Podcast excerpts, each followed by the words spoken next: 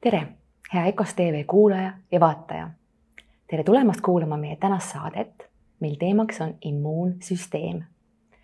räägime sellest, mis on immuunsüsteem, kuidas teda toetada, hoida ja veel paljust muust põnevast. täna on meil külaliseks Liis Orav, kes on integratiivne terviseterapeut ja toitumisnõustaja. tere, Liis. tere, Kadri aitäh, et sa oled meiega ja jagad oma teadmisi, taipamisi, seda informatsiooni, mis sa oled äh, siin aegade jooksul kokku kogunud. ja aitäh sulle, et, et sa oled võtnud justkui enda selliseks südameasjaks meid äh, teadlikkust tõsta inimestel just toitumise ja tervise teemadel. ja suur tänu et, sa seda tähele paned, et tõesti, see on mu südame asjaks ja, ja mida rohkem ma sellest rääkida saan, seda, seda rõõmsam ma ise ka olen mm. -hmm. aga hakkamegi siis algusest rääkima sellest immuunsüsteemist, et mis see immuunsüsteem siis täpsemalt on no esiteks ma muidugi peaks ütlema, et me oleme endale võtnud väga ambitsioonika sellise eesmärgi, et sellise väga lühikese aja jooksul kasvõi isegi visandada immuunsüsteemi, seda, seda ülivõimsat kaitsesüsteemi, seda, mida ta meiega teeb, mida ta meie heaks teeb või kuidas meie saame midagi tema heaks teha, et see on muidugi selline auahne plaan meil, aga ma siis ütlengi, et me tegeleme pigem sellise visandamisega ja hariliku joonisega ja igaüks võib need värvid siis pärast ise sinna lisada ja seda informatsiooni tänapäeval on küll rohkelt ja rohkelt, eks ju, et informatsiooni puuduses me mitte keegi ei vaevle.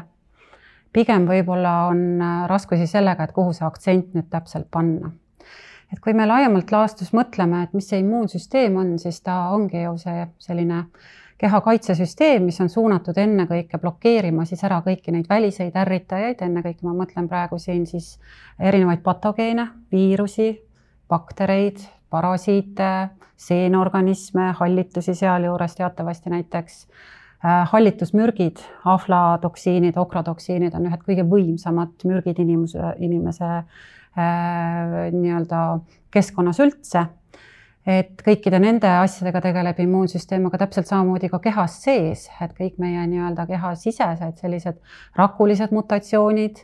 Äh, kindlasti kõik teavad, et vähirakkude pärssimine on ju immuunsüsteemi selline täiesti eripalgeline ülesanne. ja me teame ka nähtavasti seda, et meie iga, igaühe meie kehas igal hetkel on päris rohkelt vähirakke aga hästi optimeeritud immuunsüsteem saab alati nende pärssimisega hakkama, me ei pea selle pärast muretsema iga päev nagu surmahirmu tundma aga probleemid tekivadki siis just, et kui see immuunregulatsioon paigast läheb ja kui see suurepärane kaitsesüsteem enam endaga hakkama ei saa ja siis ta ei paku ka meile kaitset. et äh, tänapäeval on hästi palju tegelikult selliseid immuunsusega seotud probleeme ja väga paljuski nad on tingitud just nendest keskkondlikest faktoritest, meie, meie siis sellise noh, laiemas laastus võibki öelda keskkonnamürkidest erinevatest, mis koheselt hakkavad mõjutama ka seda, äh, seda, kui hea või halb tervis meil on, aga, aga ka meie tegelikult see kõrge stressitase on kindlasti üks nendest asjadest, mis, mis just nimelt siin läänelikus maailmas hästi sageli neid probleeme esile kutsuvad mm. -hmm. aga, aga sa räägiksid sellest, eh, kuidas on see kaasasündinud immuunsus ja elu jooksul omandatud immuunsus mm? -hmm no laiemas laastus me võimegi immuunsüsteemi kirjeldada kui sellist võimsa, võimsa riigi võimsat armeed. et nii nagu me võtame ette mingisuguse võimsa sõjaväe, eks ju, et seal on sellised eri, erinev hierarhia, on siis äh, äh sellised äh, pommirühmad, on sellised äh, jalaväelased, on, on võib-olla siis peo, peorelv, eks ju, erinevad keemiarelvad, mis tänapäeval kasutusel on armeedel samamoodi on olemas selline kõrgem pilotaaž ehk siis kindralid, kes juba disainivad palju, palju sofistikeeritumaid süsteeme, et kuidas, kuidas lahingplaani välja arendada. et täpselt samamoodi võime öelda, et meie immuunarmees on samamoodi, et on neid väga erinevate ülesannetega immuunrakke ja omandatud immuunsus ja, ja kaasasündinud immuunsus ongi natukene, et need profiilid on erinevad, et kui see kaasasündinud immuunsus noh, nii-öelda õgirakud, eks ju, kindlasti mäletame kõik koolis, kuidas need makrofaagid õgisid sisse neid erinevaid patogeene. et need, et see siis kaasasündinud immuunsus ongi selline esmane reaktsioon mingisugusele sissetungijale. ja, ja toimetatakse väga lihtsakoeliselt, võiks siis öelda nagu hangude ja rehadega ja matšeetedega seal kohapeal, eks ju, kus õgitakse sisse või lastakse õhku. Aga kui äh, on nagu vaja pikemalt reageerida ikkagi on näha, et see, et see nii kiirelt see vaenlane ei taltu, siis võetakse juba kasutusele sellised natukene sellised detailsemad äh, plaanid ja visandused ja, ja mängu tuleb siis see kaasasünd või vabandust, see omandatud immuunsus, kus siis äh, järjekord läheb üle lümfotsüütidele, meil on teatavasti B ja D lümfotsüüdid. Ühed neist siis äh, nii-öelda vahendavad neid signaalmolekuli sel, selle kohta, et ta on ära tundnud vaenlase ja annavad selle signaali edasi siis äh, B lümfotsüütidele, kes omakorda hakkavad tootma antikehasid. nii et see ongi siis see meie natukene nagu edasi arenenum ja, ja, ja kuidagi targem, targem osa juba sellest, äh, sellest nii-öelda detailsest plaanist, et kuidas vaenlast äh, vaenlast äh, siis elimineerida mm. -hmm aga, aga jah, et, et tegelikult muidugi kõiki neid rakke on, on hästi eripalgelisi ja neid kõiki on meil vaja, et me ei saa kuidagi öelda, et üks immuun, et see kaasasündinud immuunsüsteem oleks kuidagi vähem oluline kui omandatud või vastupidi, et need, et igal, igal viimsel kui rakul on oma väga oluline roll siis täita. aga mis täna on need ikkagi need põhilised tingimused, faktorid, mis nõrgestavad immuunsust ja miks me oleme rohkem haiged? Et nagu ma enne ka juba kirjeldasin, et, et jälle kord, et oleme tagasi selle enne või peale teist maailmasõda tekkinud olukorra juurde, kus keskkonna on paisatud meeletus koguses erinevaid kemikaale, selliseid väga-väga rakutoksilisi ühendeid mis ka nii-öelda sünergilises siis koostoimes teiste kemikaalidega tekitavad väga tugeva sellise surve meie immuunsüsteemile. Äh, rääkisime juba natukene sellest kroonilisest stressivastusest, mis tekib, kui on see lakkamatu selline kaasaja inimesele omane selline mm, stressifoon on kogu aeg üleval. Et kindlasti see on üks, aga, aga needsamased bakterid, viirused, patogeenid.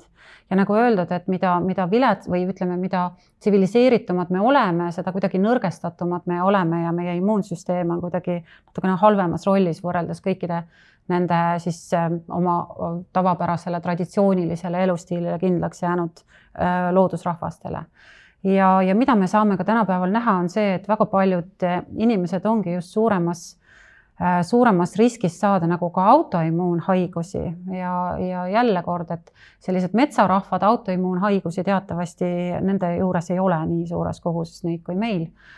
Ja, ja jälle, et, et mis, mis on selles meie kaasaegses elustiilis, mis seadistab meid selleks krooniliseks äh, nii-öelda põletikuks sellisele alaägeda kroonilise pidevalt lakkamatult äh, miilava põletiku siis nii-öelda hambusse me kuidagi satume siin äh, lääne, läänemail.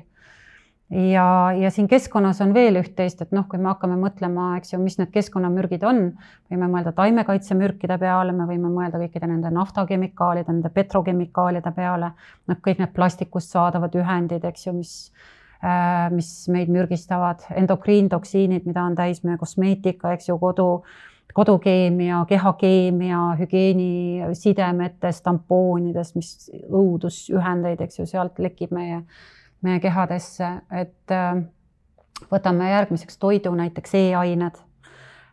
Väga-väga äh, kehatoksilised, mitte kehaomased ained, mida me võib-olla iga päev siis äh, toiduga sisse sööme. et, et vot niimoodi need järjest need erinevad sellised stressorid lisanduvadki siia.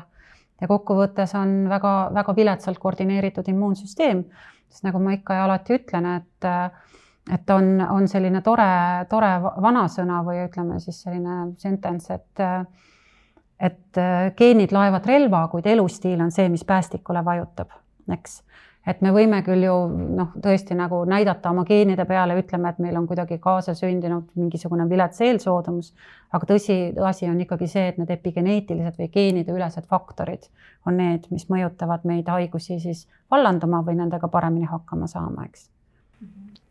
Aga kas sa räägiksid veel autoimmuunhaigustest? või see on ka nii lai teema, et sellest täitsa võiks nagu omaette saate teha. et, et et äh, tänapäeval autoimmuunhaigusi ongi meeletus koguses, et noh, need numbrid, eks ju, muutuvad, et küll on näha, et kuskil kaheksakümmend äh, autoimmuunhaigust, siis on juba sada kakskümmend viis autoimmuunhaigust. Tõelisus on see, et on väga palju ka teadmata patogeneesiga haigusi, millest me ei tea, kust nad tulevad, aga võib kahtlustada, et ka seal taga on see autoimmuunfoon ja autoimmuunspekter kujutabki endast siis olukorda, kus siis mingil põhjusel on immuunsüsteemis, mis nagu ma ütlesin ennem, on disainitud meid kaitsma, hoidma, meid turvalisena, eks ju, nii-öelda siis äh, jälgima kogu aeg, et midagi imelikku ei toimuks. Et see immuunsüsteem äkitselt pöördub pere, peremees organismi iseenda vastu ja ei suuda enam vahet teha selle patogeeni, selle, selle nii-öelda võõrstressori ja keha enda kudede ja rakkude vahel, nii et et autoimmuunhaigused ongi siis olukord, kus immuunsüsteem pöördub keha vastu ja hakkab ründama mingil põhjusel, tekitama äh,, tekitama siis immuunreaktsiooni põlet- ja põletikku siis kudede vastu, nii et et neid haigusi on tänapäeval hästi äh, palju. Kui ma hakkan äh, nii-öelda neid otsast lugema, et üks kõige tavalisemaid autoimmuunhaigusi ongi Hashimoto türoidiit, see on siis kilpnäärme põletik, autoimmuunse loomuga kilpnäärme põletik. et me tegime ka siin kunagi, eks ju, kilpnäärme teemadest juba ühe pikema saate.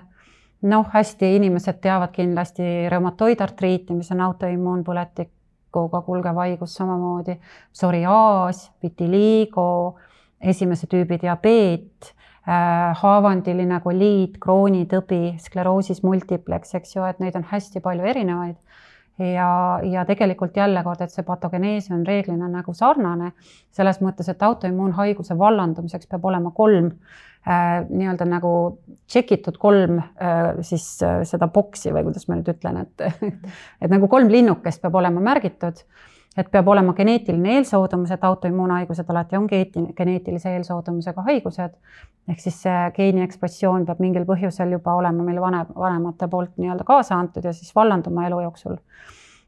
siis peab olema mingi keskkondlik epigeneetiline stressor, mis siis mõjutab äh, selle viletsa eelsoodumuse sisse lülituma ja kõige lõpuks siis kindlasti peab, peab või tähendab, on siis märgatud, et autoimmuunhaiguse vallandumisele alati eelneb ka siis lekkiva soole sündroom, mis on siis soole permeaabluse suurenemine, mis tähendab, et mingil põhjusel sooletraktist hakkab vereringesse imenduma selliseid võõrvalke, lõpuni lagundamata kas toiduvalke või no mingeid patogeene või mis iganes me siis elu jooksul, eks ju, omale siin, millega me siis siin nii-öelda vastamisi oleme ja, ja selline lõplik selline lakkamatu stress siis äh, paneb lõpuks vallandama selle haiguse, nii et et sedasi umbes võib arvata, et need haigused tekivad, aga siin on muidugi hästi palju selliseid agasid ja küsimärke ja hüpoteese veel, et ega keegi väga täpselt ei tea, aga fakt on see, et, et see olukord, kus immuunsüsteem iseennast ja omaenda peremeesorganismi nagu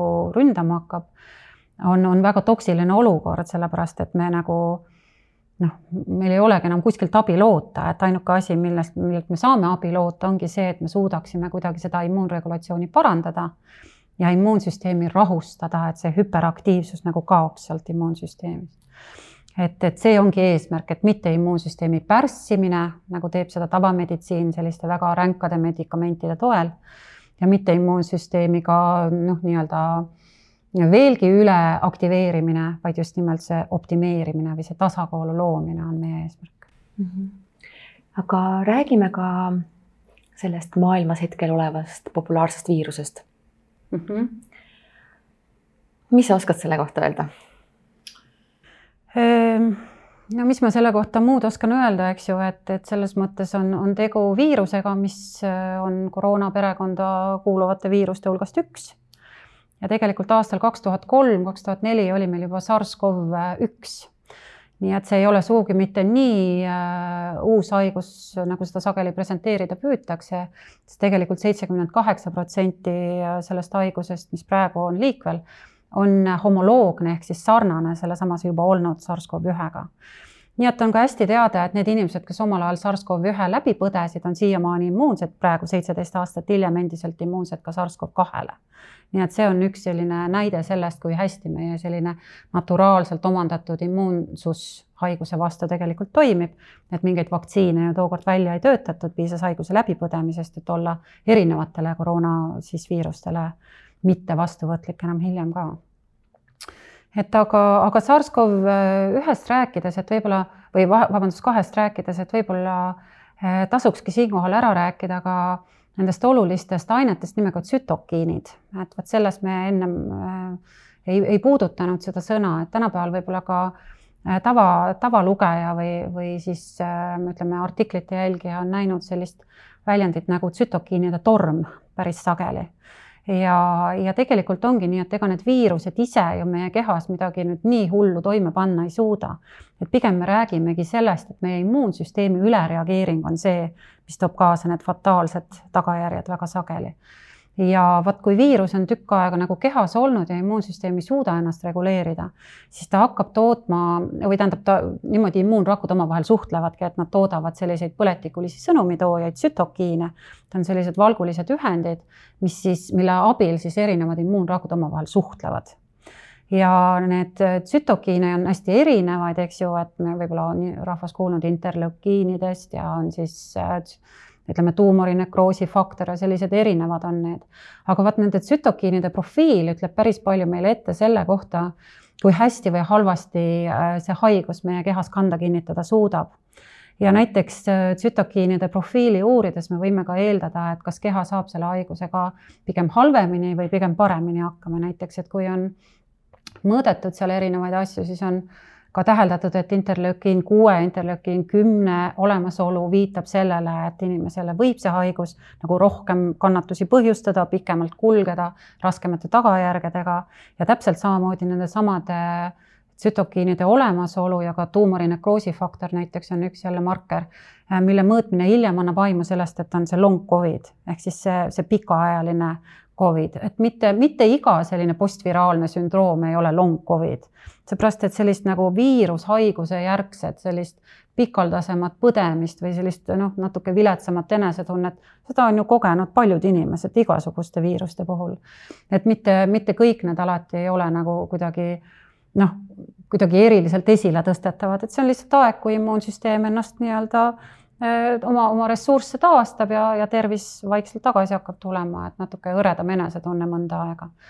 aga, aga mida siis just nagu märgistatakse selle pika Covidina ongi, ongi selline ikka sellised päris, päris drastilised sellised pikk, pikaajalised närvisüsteemi kõrvalekalded ja, ja immuunsüsteemi kõrvalekalded ja vot just need eelnimetatud tsütokiinid, siis annavad aimu sellest, et, et tõesti tegu on selle selle long Covidiga, mitte lihtsalt suvalise viirusjärgse sellise äh, noh, pikema taastumisega. kui pikaajaline see pikaajaline siis olla võib?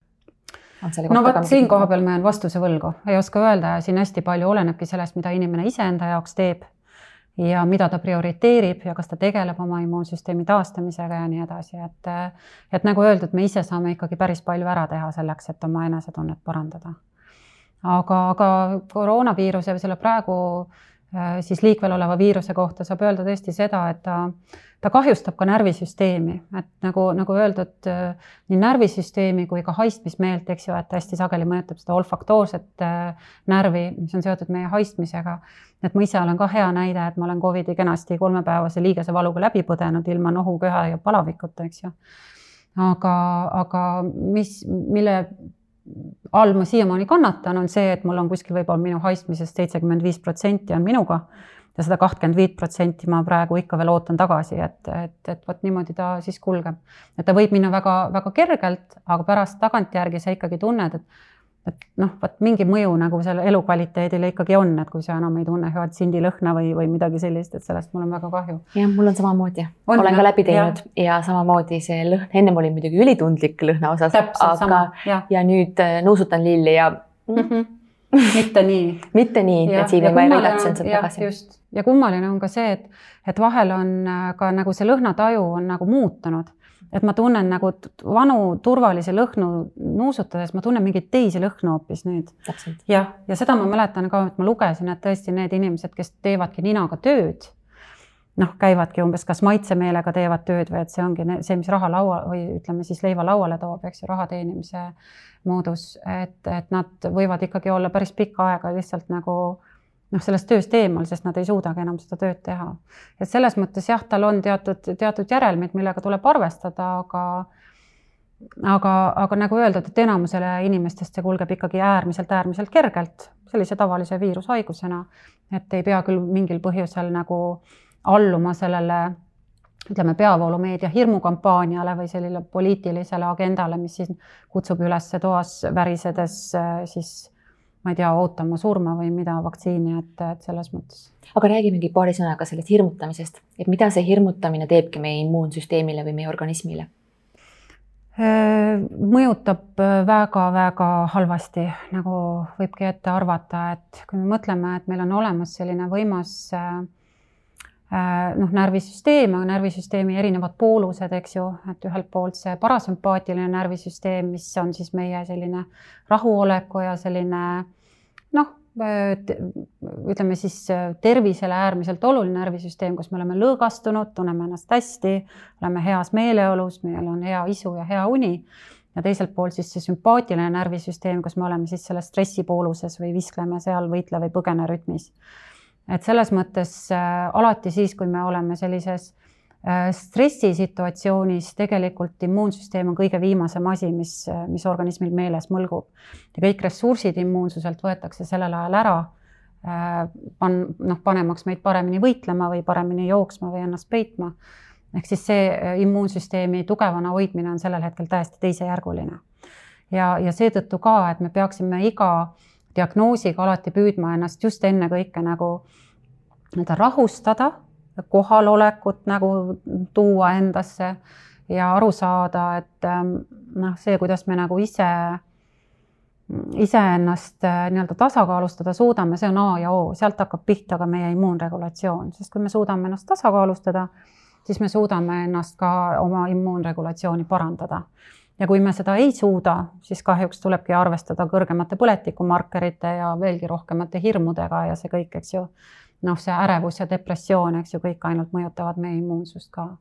et meil on olemas selline võimas, võimas nii-öelda nagu telg, mis on siis psühhoneuroimmunoloogiline telg ja noh, võib minna nagu väga spetsiifiliseks, kasvõi näiteks seda, kuidas meie nii-öelda heaolu molekulid, need endorfiinid, mida me toodame näiteks kehas, mõjutavad meie soolestiku Äh, immuunsust ja kogu seda immuunregulatsiooni, mis toimub meie sooletraktis.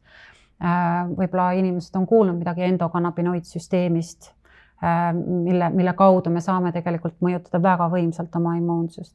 ja see endokannabinoidsüsteem tegelikult on midagi sellist, mis noh, me saame sinna teenistusse panna need kõik need tuntud kannabinoidid, mida nii-öelda väljaspool saab, marihuaana ja kanep ja kõik need, aga täpselt samamoodi ju meie keha sees me lakkamatult toodame neid heaolu ja õnne molekule, mis otseselt mõjutavad meie soolestikku, meie aju ja meie immuunregulatsiooni, nii et see on kõik üks, üks üksus aga kindlalt võib öelda seda, et, et hirmunud olek on üks kõige, kõige viletsam olek nagu immuunsüsteemi tasakaalustamiseks. ja seda, miks riiklikul tasandil otsustati selline hirmukampaania nagu algatada ja seda lakkamatult edasi kultiveerida, et see on juba nagu eh, tõesti nagu küsimus, eh, ma ei tea, psühholoogidele või ei teagi isegi, kellele selle küsimuse võiks esitada, et, et see kindlasti ei olnud rahva heaolu teenistuses, et siin oli nagu mingi, mingi tume jõud oli, oli siin taga, ma arvan. aga on juba märgata ka mingeid järelmõjusid sellel, selle hirmutamisest? vot see on hea küsimus, sest on täitsa otseselt märgata tugevaid järelmõjusid, et inimesed ongi olnud ärevad kogu see aeg, et need kõrgemad nakatumisnumbrid kindlasti on otseselt sellega seotud. aga kui ma mõtlen selle peale, kuidas on see mõjutanud meie laste suitsidaalsust ja mitte ainult meie laste, et on hästi teada, et kui Ameerika Ühendriikides on tehtud varasemalt neid uuringuid, siis no kuskil keskeltläbi sellise noore inimese võib-olla viis, viie protsendi äh, noorte peas käivad läbi sellised äh, suitsidaalsed mõtted aeg-ajalt, siis tänapäeval on see, see protsent paku kui kõrge. see on nüüd viimased uuringud siis jah? Mhm. Mm, kakskümmend, kolmkümmend? Mhm. kakskümmend viis protsenti nii-öelda mängib mõttega et äkki võiks selle asja nüüd teoks teha. et see on ju täielik katastroof, eks ju, uute põlvkondade nagu heaolu eesmärgil kindlasti ei saa see ei teeni nende heaolu. et äh, kas, kas siin taga on need piirangud või, või see hirmutamine või see kõik see sotsiaalne distantseerumine äh, kõik see kokku on loonud sellise katastrofaalse hirmufooni, et inimesed ei, ei, noored inimesed, lapsed ei näe enam vajadust, et miks nad üldse eksistentsi peaksid jätkama, eks ju, et see on väga-väga-väga karm reaalsus. et äh, väga kurvaks teeb see kõik. aga, aga võtaks võib-olla ette ka sellised müüdid, mida immuunsuse kohta räägitakse. oskad sa selliseid välja tuua, mis on mingid sellised arvamused, mis tegelikult ei ole nagu päris mm -hmm. tõesed? Et võib-olla kõige noh, nii nagu ikka, eks ju, et hästi palju rahvas räägib sellest äh, kudede leelistamisest ja hapestamisest, see võib samamoodi olla müüt, et hästi lihtsakoeliselt on nagu väljendatud selliseid äh, väga selliseid tõdesid, mis tegelikult ei pea nagu paika, aga samamoodi me võime öelda, et immuunsüsteemi tugevdamine on ka selline müüt, et nagu ma ennem alustasin ka, et me ei saa nagu immuunsüsteemi nõrgestada, võib-olla me saame, aga see nõrgestamine või tugevdamine või see ei ole nagu eesmärk eesmärk on immuunsüsteemi hea regulatsioon, immuunsüsteemi optimeerimine. ja võib-olla seda ma tahakski südamele panna, et seda võiks küll nagu noh, nagu sagedamini pöörata tähelepanu, et me ei taha üle boost ida, me ei taha pärssida pärsivad ravimid, et on olemas väga võimsad immuunsupressandid, mida kasutatakse nende samade erinevate, eks ju, siis autoimmuunhaiguste puhul on olemas sellised rasked, eh, sellised sütotoksilised lahendused, näiteks keemiaravi on väga tugeva immuunsupresseeriva, immuunpärssiva mõjuga. et meie ei taha immuunsust kindlasti pärssida. aga ka sellised eh, nii-öelda üleaktiveerimise võtted ju tegelikult ei toimi, et organism on natukene liiga tark ka selleks, et ta ikkagi noh, teab, mis tal endal vaja on teha. ja selliseid aineid nagu tegelikult, mida, mida tarvitada sellise üle boost imise eesmärgil, ega ma väga palju ei teagi, aga võib-olla võiks, võiks äh, välja tuua, et kui on juba nii-öelda immuunsüsteem kaldub olema liiga aktiivne ehk siis nii-öelda hüperaktiivne erinevate allergiate puhul või seesamane autoimmuunhaiguste puhul, kus ta ründab juba peremeest ennastki. et sellisel puhul võib-olla ei sobi küll teatud sellised grupid ja ma võiksin siinkohal eraldi välja tuua näiteks sellise teada-tuntud immuunboosteri nagu punane päevakübar, echinacea inglise keeles või pikk nimi ladina keeles, et äh, vaat see on näiteks aine, mis mida ei sobi kasutada siis, kui on juba allergiline foon taga või see immuunsüsteemi pisut liiga äkiline reaktsioon seal taga. et sellisel puhul tõesti võib-olla see mõjub natukene noh, ei, ei saa seda immuunregulatsiooni taastada selle aine abil, et pigem see võib halvemuse poole viia. aga selline lihtsakoeline asi nagu nüüd C-vitamiin, et see nüüd küll ei ole äh, Eh, seda tarvitades me küll ei saa kuidagi immuunregulatsiooni liigselt boost ida, et keha on väga tark ja teab täpselt, mida ta selle C-vitamiiniga teha saab. et võib-olla see olekski selline, selline müüt, et ei ole vaja teda mm, pärssida ega boost ida, on vaja teda reguleerida ja optimeerida mm. -hmm. aga kuidas teda on siis kõige parem reguleerida ja optimeerida, mis need sellised äh, praktilised näited, soovitused, need näited on tegelikult lõputult, aga mm -hmm. mis need kõige olulisemad võiksid olla, võib-olla, võib-olla ka kõige lihtsamad, mida kuulaja saab äh, oma ellu rakendada või üle vaadata, et kuidas temal sellega on mm? -hmm. et noh, kõige lihtsam äh, seesamane ärevuse vältimine siit hakkab kõik peale, see on kõige-kõige algelisem asi, mida me saame teha. lihtsalt lõõgastumine sellise vaimu, vaimse rahu taastamine, et igaüks saab siin valida, teha täpselt seda, mis talle just meeldib, kes loeb raamatut, kes vaatab häid filme, kinos käimist ma ei saa soovitada, sest mul endal läbi, seoses läbipõdemisega koroonapassi ei ole endiselt, ma olen nagu praegu outcast või ütleme siis nii-öelda paaria meie Eesti ühiskonna jaoks äh, õigusteta isik. et vaadake siis lihtsalt filme, armsad inimesed, et seda, et Äh, või kes, kes tahab mängida mingisuguseid kaardimänge, kes lõõgastub meditatsiooni, joogaga, positiivsete afirmatsioonidega, et neid noh, neid erinevaid lahendusi, mida keegi teab, et just temale, eks ju, sobib, neid on erinev, kes kuulab muusikat, kes tantsib, kes teeb trenni, kõik suurepärased võimalused. et see on esimene, et rahuloleku nii-öelda tekitamine kehas. punkt kaks olen toitumisnõustaja, millest me räägime. Räägime toidust, eks ju, et siit sellega algab ja lõpeb minu jaoks ka väga-väga suur osa sellest immuunregulatsiooni puslest. et äh, me tarvitame ikkagi selliseid toite, mis aitavad meie, meie keha sellist energeetilist vibratsiooni tõsta mis ei ole papp ja plastik, mis ei ole nafta, me tarvitame terviktoidulisi lahendusi, me tarvitame head kvaliteetset äh, taimekaitsemürkide vaba toitu, mille me ideaalis ka valmistame ise. või siis äh, valmistab selle keegi, kes teab, mis tähendab kvaliteetne toit. et see hea, hea toit on ülioluline. punkt kolm, uni et äh, me teame, kuivõrd tundlikud on meie immuunrakud tegelikult sellisele üliolulisele ja ma siinkohal veel kord toonitaksin, kõige vähivastasem hormoon meie kehas on melatoniin ehk unehormoon. Et kui tundlikud on meie immuunrakud sellele unehormoonile.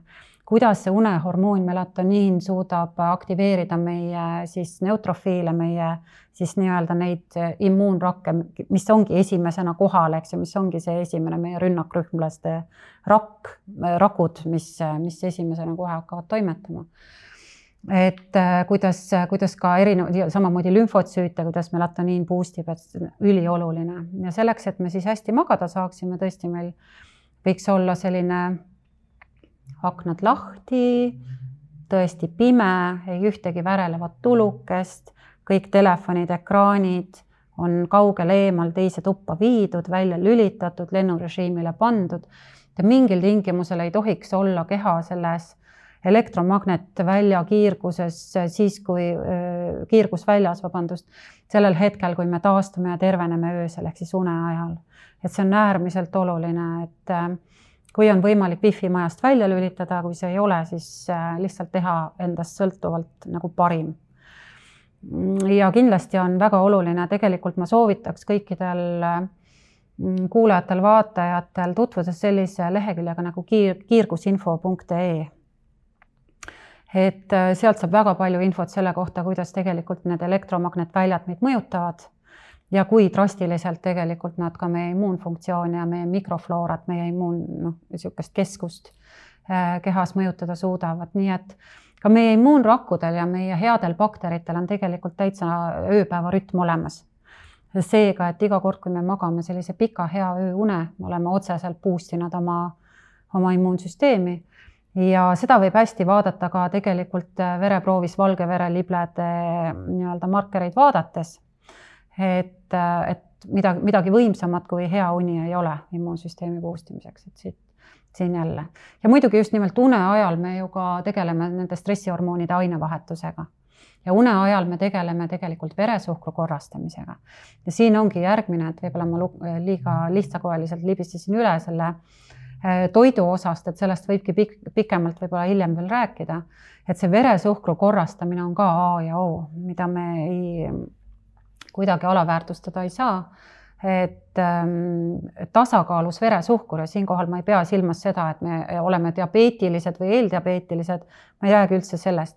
ma räägin kasvõi sellest, et päeva vältel, et kui me sööme liiga palju selliseid kas maiustusi või süsivesikuid, mis hüpitavad meie veresuhkrut niimoodi äkiliselt üles ja alla et see tekitab tegelikult väga paljude erinevate põletikuliste tsütokiinide tootmise meie kehas, mis jälle otseselt asuvad mõjutama meie immuunfunktsiooni, nii et see on kindlasti ka oluline, nii et une ajal me tegelikult reguleerime ka oma veresuhkru tasakaalu, et see on samamoodi oluline. No tegelikult kindlasti, kui rääkida veel, et millega nagu mõjutada immuun siis regulatsiooni, kehaline aktiivsus, kõik, mis puudutab, eks ju, liikumist, et see ka, et jälle tuleme nagu ringiga tagasi siia äh, siis äh, selle äh, meelerahu juurde, et me ju teame kõik, et mis tunne on kehal peale seda, kui me oleme ära teinud mingi trenni, noh, meie jaoks meeldiva trenni, missugune endorfiinide tulv, eks ju, toimub ajus, et me oleme suutelised, me oleme hakkama saanud, me oleme võimsad, eks ju ja, ja muidugi me saame võtta juurde hästi võimsaid erinevaid lisandeid, et nendest me võime võib-olla natukene rääkida hiljem ka põhjalikumalt. et lisandid on üks, nagu öeldud, alati lisandid tulevad lisaks, lisandid ei ole asi iseeneses, mida lihtsalt nagu purkide kaupa tarbida.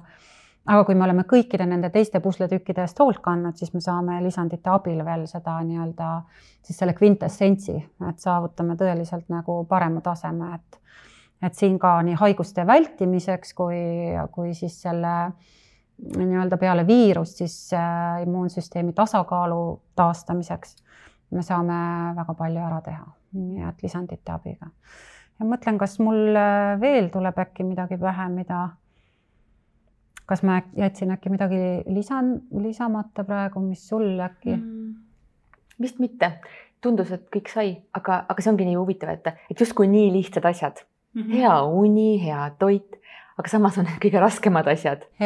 et, et ja. need on nagu kõigile ju kättesaadavad mm, -hmm. et, äh, et ma magaksin hästi ja ma puhka, puhkaksin ennast välja, ma liiguksin, ma jalutaksin mm -hmm. värskes õhus aga. väga-väga raskesti need ongi, tunduvad nagu, et nii-öelda inglise keeles on need madalal rippuvad viljad, eks ju, see väljend, et need kõige lihtsamad, kõige lähedamad, kõige madalamatel okstel rippuvad õunad, võta ainult. Aga mhm. näed, need on millegipärast nii kättesaamatud meie tänapäevases selles elus, et, et see on et just vahel ka, et inimesed, kui noh, ma ju igapäevaselt tegelen ikkagi klientide nõustamisega erinevate terviseprobleemide puhul ja ja just ongi, et räägime selle pika tund aega ära, eks ju, et, et kuidas kehakaalu langetada, et sööme neid ja neid asju ja siis viimasel kahel minutil tuleb välja, et ta läheb igal öösel, eks ju, kell kaks magama ja, ja, ja ma mõtlen juba selle peale, mida see hiline magamaminek meiega teeb, kuidas see paiskab nagu täiesti pea peale meie kortisooli rütmi, mis omakorda on selline oluline, ülioluline hormoon immuunregulatsioonis ka ja kuidas see vale kortisooli rütm hakkab mõjutama meie veresuhkrut ja kuidas meie kõrge veresuhkur hakkab mõjutama meie immuunfunktsiooni, et jälle tekib järjekordne toksiline nõiaring jah, et me ei saa ega noh, nokk kinni, saba lahti, et mm. -hmm. et ja. nii on. ja see koht ka, et, et, et kuidas ennast maandada, et paljud ei, enamasti inimesed võib-olla ei teagi seda, et mis, et kuidas nad nagu lõõgastuvad mm. -hmm. et mis on need, et oluline, et inimene ise nagu saaks aru, mis on need tegevused, mis mind lõõgastavad. no tänapäeval ma ütlen, mis mind lõõga- või mis meid lõõgastab, on väga sageli, eks ju, alkoholi liigtarbimine. ja, ja me, ma arvan, et kõik oleme kuulnud, et alkoholi müük küll nagu võitis sellest koroonapandeemiast ka pikalt, et et ja, ja teatud sellise nii-öelda noh, inimeste siis majja sulgemisega vallandusid ka igasugused muud sellised sõltuvused ja, ja pahed, eks ju, nagu alkoholismi kõrvale igasugused koduvägivallatsemised ja, ja narkomaania ja ravimite liigtarbimine, antidepressantide ületarbimine, opioidide buum ja, ja kõik need asjad, mida, mis tõi kaasa nagu sellest normaalsest elust äralõikamine. siinkohal võibki võib-olla öelda, et kui me mõtleme, et inimene on loodud nagu sotsiaalseks olendiks ja et kui kuidagi ei saa nagu seda immuunfunktsiooni või seda, seda, seda ühte haigust siis ütleme nii-öelda esile tõstes, aga samal ajal üle sõites absoluutselt kõikidest teistest inimese eluks väärtuslikest sellistest faktoritest nagu suhtlus, kallistamine, lähedus, eks ju, et, et noh, meelelahutused, lõbustused, trennid, liikumine, et kõike seda nagu pärsiti selle pika, pika siis pika perioodi jooksul, et see tõigi kaasa sellise väga-väga katastrofaalse tagajärje, mis, mis rahva tervises alles hakkab tegelikult väljenduma, sest on ju hästi teada ka, et inimesed ei käinud arsti juures, nende vähid nüüd avastatakse ainult neljanda staadiumi vähke, eks ju, nagu, nagu, nagu sageli on kuulda, minu kliendid on ka paljud rääkinud sellest, et et äh, jäeti nagu need esimesed markerid tähelepanuta, täpselt samamoodi väga paljusid ravimeid võib-olla tarbiti kas liiga vähe või liiga palju, sellepärast et ei osatud neid ravimidoose, eks ju, noh, kohaldada vastavalt siis äh, tervisele, aga samal ajal arsti juurde ei, kas ei juletud minna või ei saanud minna. et me alles hakkame tegelikult nägema neid tagajärgi, mis see selline pikk, pikk äh, raske periood siis inimkonnale kaasa tõi mm. -hmm. siinkohal jällegi nagu ma arvan ka, et on jälle see lõõgastus mm, -hmm. et äh, number üks mm. -hmm. aga räägime veel sellest toidust ikkagi. see mm -hmm. minu jaoks ka väga põnev teema ja mind väga huvitab. et mingid lihtsad toitumissoovitused äkki? Siis mis puhuks terveks eluks? kuidas äh, olla vitaalne ka kaheksakümne aastaselt mm? -hmm. no see on nüüd küll Pandora laeka avamine et ähm, no esiteks võib-olla võiks öelda seda, et äh, nii nagu on inimesed täiesti unikaalsed, nii võivad olla ka nende toitumisharjumused ja nende vajadused täiesti unikaalsed, et igas elueas tegelikult me vajame erinevaid äh, selliseid nii-öelda toidugruppe, kas rohkem või vähem ja, ja sellega seoses selliseid ühtseid lahendusi ma kindlasti siin praegu anda ei saa, aga laias laastus võib öelda, et ma arvan, kõik jäävad minuga nõusse, kui ma ütlen, et see toit peab olema mitmekesine. ta peab olema võimalikult värviline, siin tuleb jälle, eks ju, see nii-öelda siis see rainbow dieet või see vikerkaare dieet, et mida rohkem värve, seda rohkem põletikuvastaseid ühendeid. Meie toidus võiks olla rohkelt hapendatud toite et nagu jälle, et ma ei saa öelda, et nad kõikidele sobivad, on ka teatud selliseid haigusi, konditsioone, allergiaid, histamiini teemasid, mille puhul hapendatud toite soovitada ei saa, aga laias laastus. et tervisest rääkides me võime alati nagu panna rõhu selle hapendatud toitude tarbimisele, sest et need on sellised elujõu boost imise, elujõu kõrgendamise toidud, sest nad on Nad on ise väga B-vitamiini rikkad, B-vitamiinid on meie energiavitamiinid, ta on probiootiliste bakterite rikkad, eks ju, me teame, kui olulised on see probiootilise floora ja tasakaalu seis on meie soolestikule. ja, ja nad on ka kiudaine rikkad reeglina, ehk siis nad aitavad igas mõttes nagu, nagu kaasa, ka immuunsust äh, toetada äh, meie toidusedelis võiks olla palju värsket toitu, et selles mõttes just, et panna panna rõhk erinevatele salatitele, smuutidele, toormahladele. et eestlasele on seda võrdlemisi raske maha müüa, seda menüü, menüüd või seda ideed võib-olla siin vastu, vastu sügist, eks ju, et kui kõik hakkab juba vaikselt nii-öelda hämaraks minema, me tahame rohkem soo, sooja ja, ja rohkem selliseid pikalt keedetud, eks ju, võib-olla aedviljaroogasid hoopis ja lihatoite, aga aga siiski me saame ka talvisel ajal endale äh, kaasata menüüsse igale ühele loomulikult täpselt seda, mis talle sobib.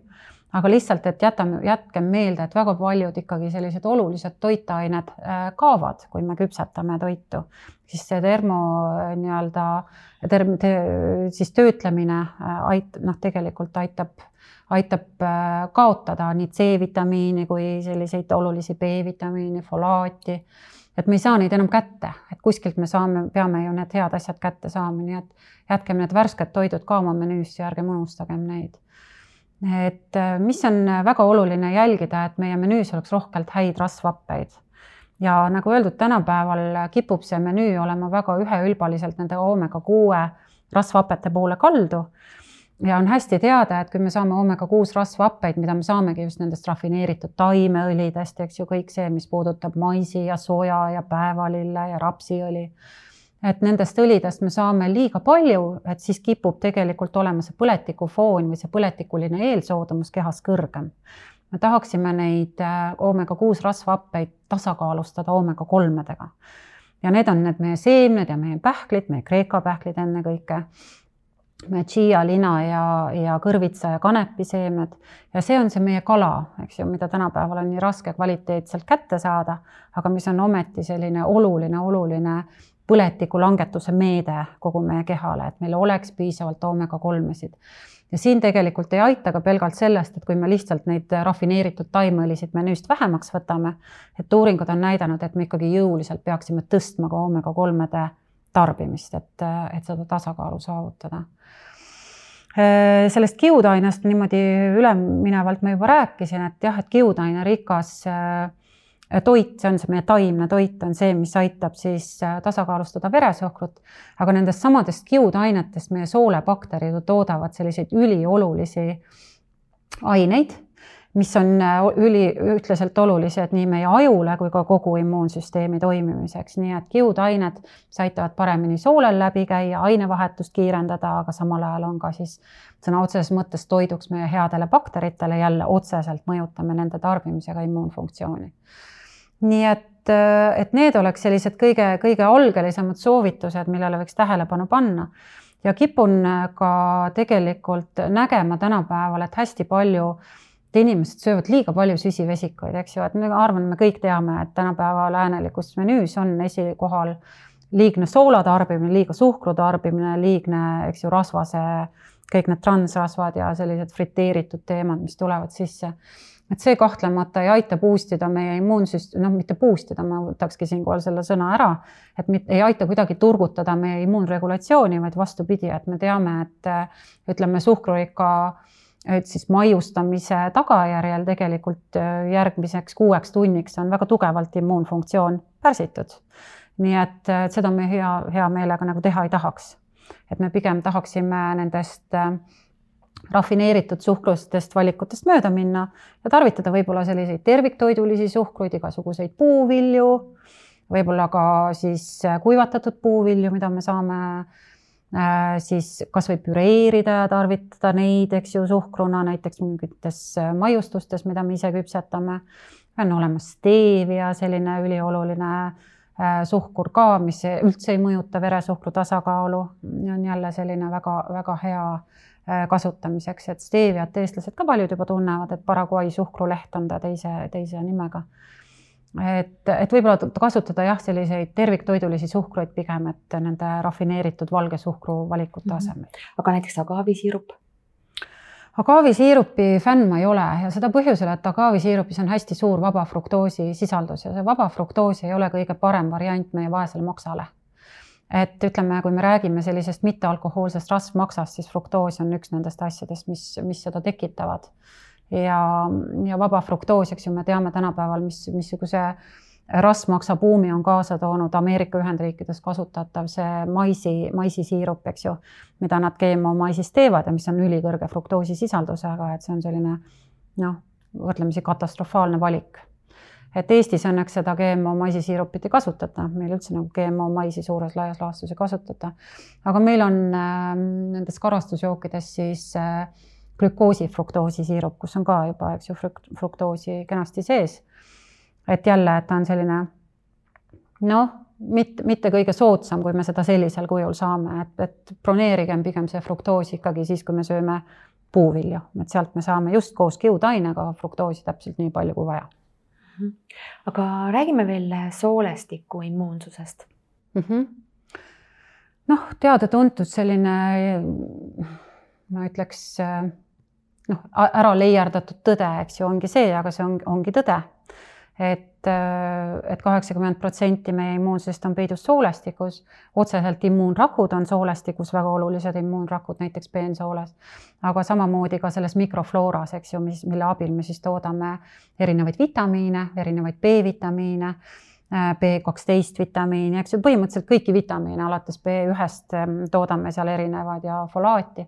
toodame seal väga olulisi selliseid biomolekule või ütleme, närvivahendusaineid nagu serotoniini, eks ju jälle, jälle üheksakümmend protsenti serotoniinist me toodame mitte ajus, vaid soolestikus nende samade heade bakterite abil ja kui oluline on jälle serotoniin meie immuunregulatsioonile, eks ju, jälle see heaolu närvivahendusaine, kuidas me sellega saame immuunfunktsiooni nagu parandada Äh, ja nende hapendatud toitude najal, nagu ma ennem juba ütlesin, me saame seda immuunsust ka siis äh, nii-öelda toetada kenasti. aga, aga mis on veel võib-olla hästi oluline aru saada, on see, et erinevad sellised medikamendid ja, ja sellised ütleme, taimekaitsemürgid ja just nimelt need keskkonnamürgid, aga ka kasvõi see EMF kiirgus, mida me saame nendest helendavatelt ekraanidelt et nad ju alati mõjutavad otseselt meie, meie soolefloorat ka. et see ongi see meie immuunbarjäär, mis peab nende stressoritega otseselt kokku puutuma läbi meie soolestiku, et kui me nad ikkagi nii-öelda kas alla neelame või nendega mingil muul moel kokku saame. ehk siis seda, seda immuunarmeed võiks ka nagu teadlikult toetada just just sellega, et me püüame oma, oma elust need kemikaalid ja need ähvardavad kiirgused nii kaugel hoida kui võimalik vähem tarbida ka e-aineid, mis väga drastiliselt jälle kord räägiksin siinkohal äh, mõne sõnaga nendest sünteetilistest magusainetest.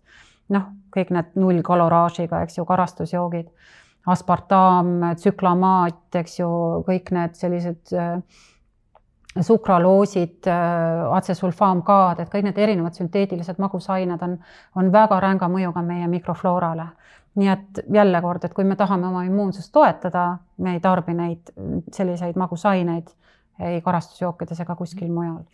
aga teeme nüüd äh, puust ette punaseks, et kui ikka tarvitada neid karastusjooke ja, ja kõik need ained, mis seal sees on, millest sa juba rääkisid mm, -hmm. et mis siis organismis, äh, kehas juhtub? Et väga põnevaid uuringuid on tehtud, et vahepeal tuligi see karastusjookide, see null, eks ju, kaloraažiga karastusjookide buum ja soovitati ka diabeetikutele neid tarbida. ja uuringud näitasid tegelikult, et need, need E-ained, need sünteetilised magusained otseselt mõjutasid mikrofloorat niimoodi, et keerati sisse sõna otseses mõttes selline regulatsioon, et head probiootilised bakterid sõna otseses mõttes suruti alla või tapeti ja patogeensed bakterid asusid võimutsema ja needsamased patogeensed bakterid on tegelikult need, kes keeravadki sisse ka selle rasvade salvestamise automaatpiloodi sõna otseses mõttes. need vaesed diabeetikud, kes püüdsid siis nende null, nullkaloraažiste Äh, siis erinevate karastusjookidega kaalu langetada, et nad ei tarbi, eks ju, suhkrurikkaid valikuid. Nad vastupidi hakkasid juurde võtma, rääkimata jälle sellest, et kui meie probiootiliste bakterite arvukus on langenud, siis ei saa me kohe väga hästi oma immuunsust reguleerida ega põletikku langetada kehas. Nii et vot täpselt see juhtubki, et, et on mõistlik nendest kauge kaarega mööda minna mm. -hmm. et lihtsalt teadlik olla mm, -hmm. et see just. ei pruugi olla nagu, see just ei ole kasulik. just, see on kahjulik mm. -hmm aga Liis, too veel välja mingid toidulisandid ja vitamiinid, mis toetavad ja hoiavad immuunsust. et sa küll mõnest juba rääkisid.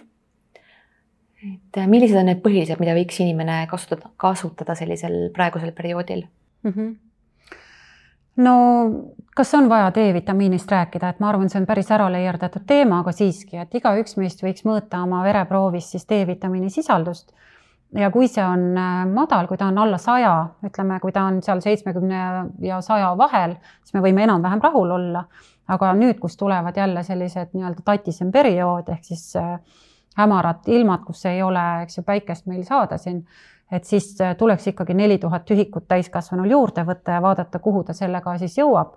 mõne aja pärast võib-olla teha uus, uus test.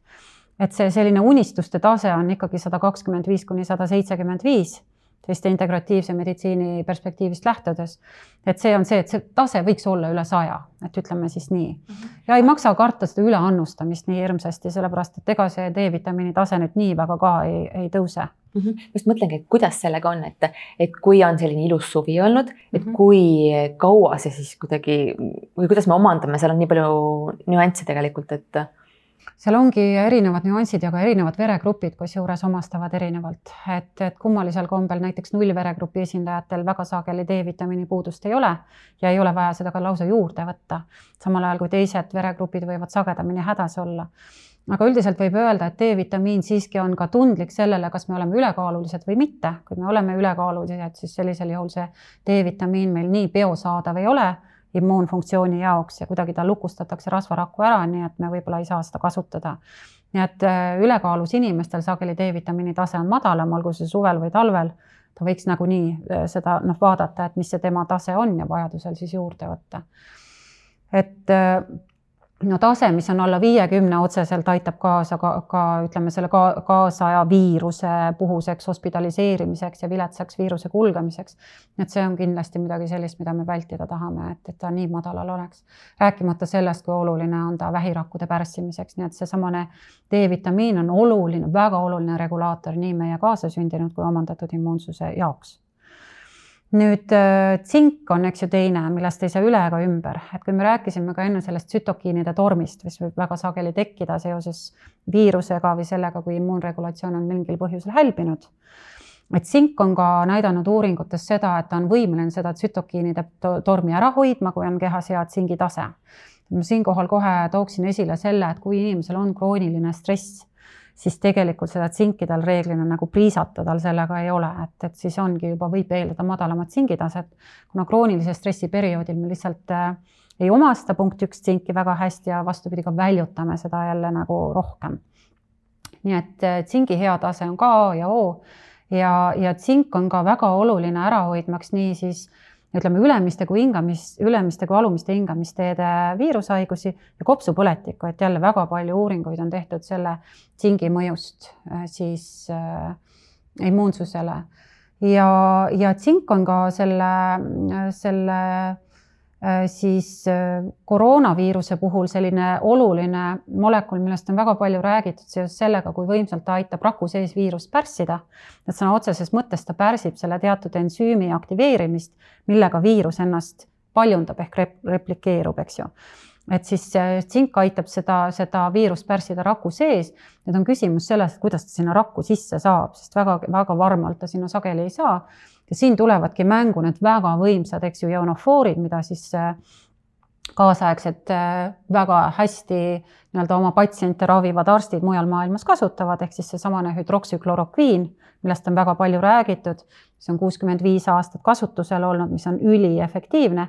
Koroonaviiruse ravis samamoodi, aga ta toimib väga efektiivselt just koos tsingiga ja asitromütsiiniga, mis on üks antibiootikum, mida ka selles nii-öelda siis äh, protokollis kasutatakse.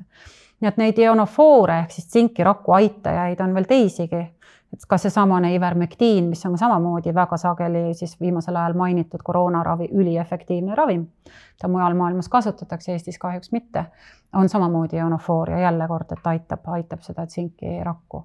nii et tsinki me võime võtta kindlasti ja, ja olla, olla siis seeläbi haiguskindlamad et üks oluline toitaine, millest, millest ma võib-olla olen vähe rääkinud, et eks ma olen sellel teemal juba varemgi sõna võtnud nende oluliste ainete äh, Äh, siis temaatikast rääkinud, aga, aga mida tahaks veel eraldi rõhutada, on nakk, et kas sina üldse oled kuulnud sellisest põnevast äh, aminohappest nagu N-atsetüülsüsteiin, et see on siis lühendina NAC, nakk.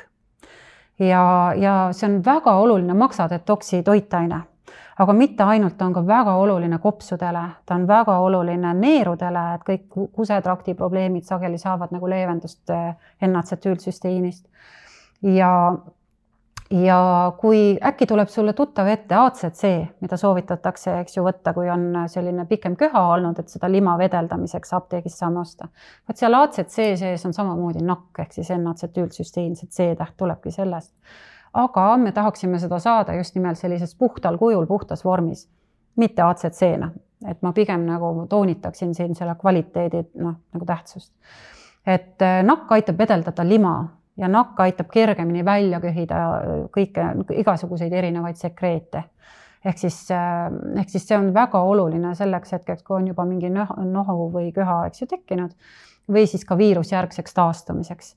ja teatavasti on ka uuringuid nüüdseks, et nakk aitab pärssida viirusooga valku ehk siis otseselt, et ta aitab äh, vaktsiinikahjustuste puhul on palju tagasisidet sellest, kuidas ta on aidanud, et juhul, kui on vaktsiinikahjustus tekkinud, et nakiga saab natukene neid äh, tagajärgi leevendada, aga ta on ka noh, igal muul moel ja olgu öeldud siis, et ta on lihtsalt maksatetoksiradade toetamiseks ülioluline aine et vot selle ma sain nüüd ära rääkida, seda nakki ma olen eelmistel kordadel alati unustanud.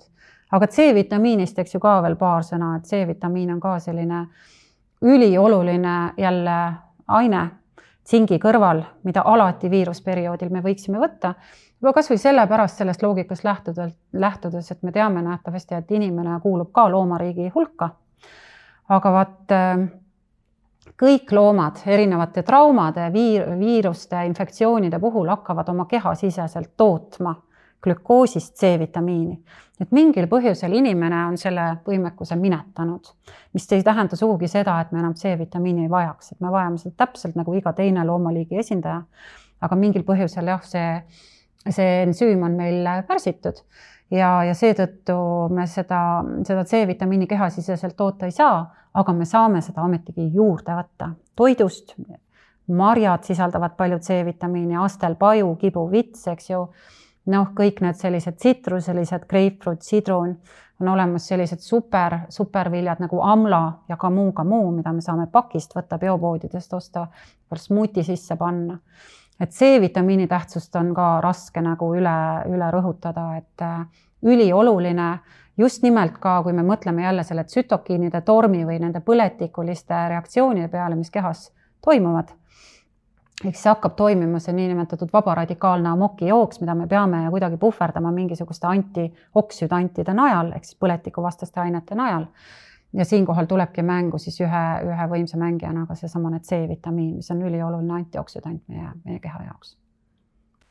ja EKOS-il on ka tootevalikus äh, suisa kaheksateist toodet, mis on immuunsüsteemi toetavad. et äh, neid võib ka siis kuulaja-vaataja vaadata siit saate alt, me lisame selle lingi. aga Liis, kas on veel midagi, millest me võiks rääkida immuunsüsteemi puhul, mida me veel täna ei ole rääkinud?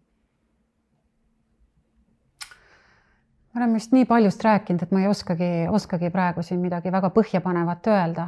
et ma pigem võib-olla lõpetaksin sellise väga olulise mõttega, mis mulle väga imponeerib ja seda ma kasutan sageli ka oma loengutes, et on olemas üks eh, suurepärane USA jalgpallitreener kusjuures täiesti teisest ampluaast inimene, kelle sentenceid ma väga hindan, see oli üks väga-väga tark mees.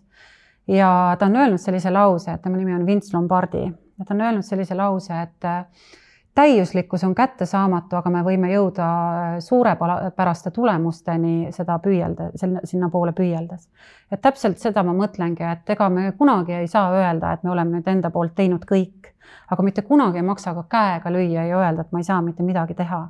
et jah, me ei saa keegi olla täiuslikud, aga me võime jõuda suurepäraste tulemusteni, kui me ainult püüame.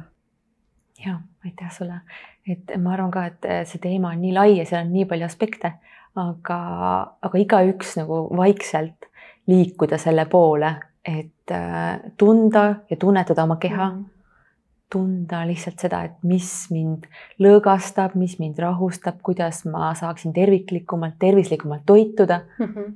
absoluutselt. jah mm -hmm., ja oma stressi ja hirme kõike siis maandada. maandada, just, nõus. aga aitäh sulle, Liis, väga põneva ja inspireeriva ja olulise vestluse eest täiaks. ja aitäh sulle, kallis kuulaja, ma loodan, et äh, sa leidsid siit endale midagi, see inspireeris sind ja uute kohtumisteni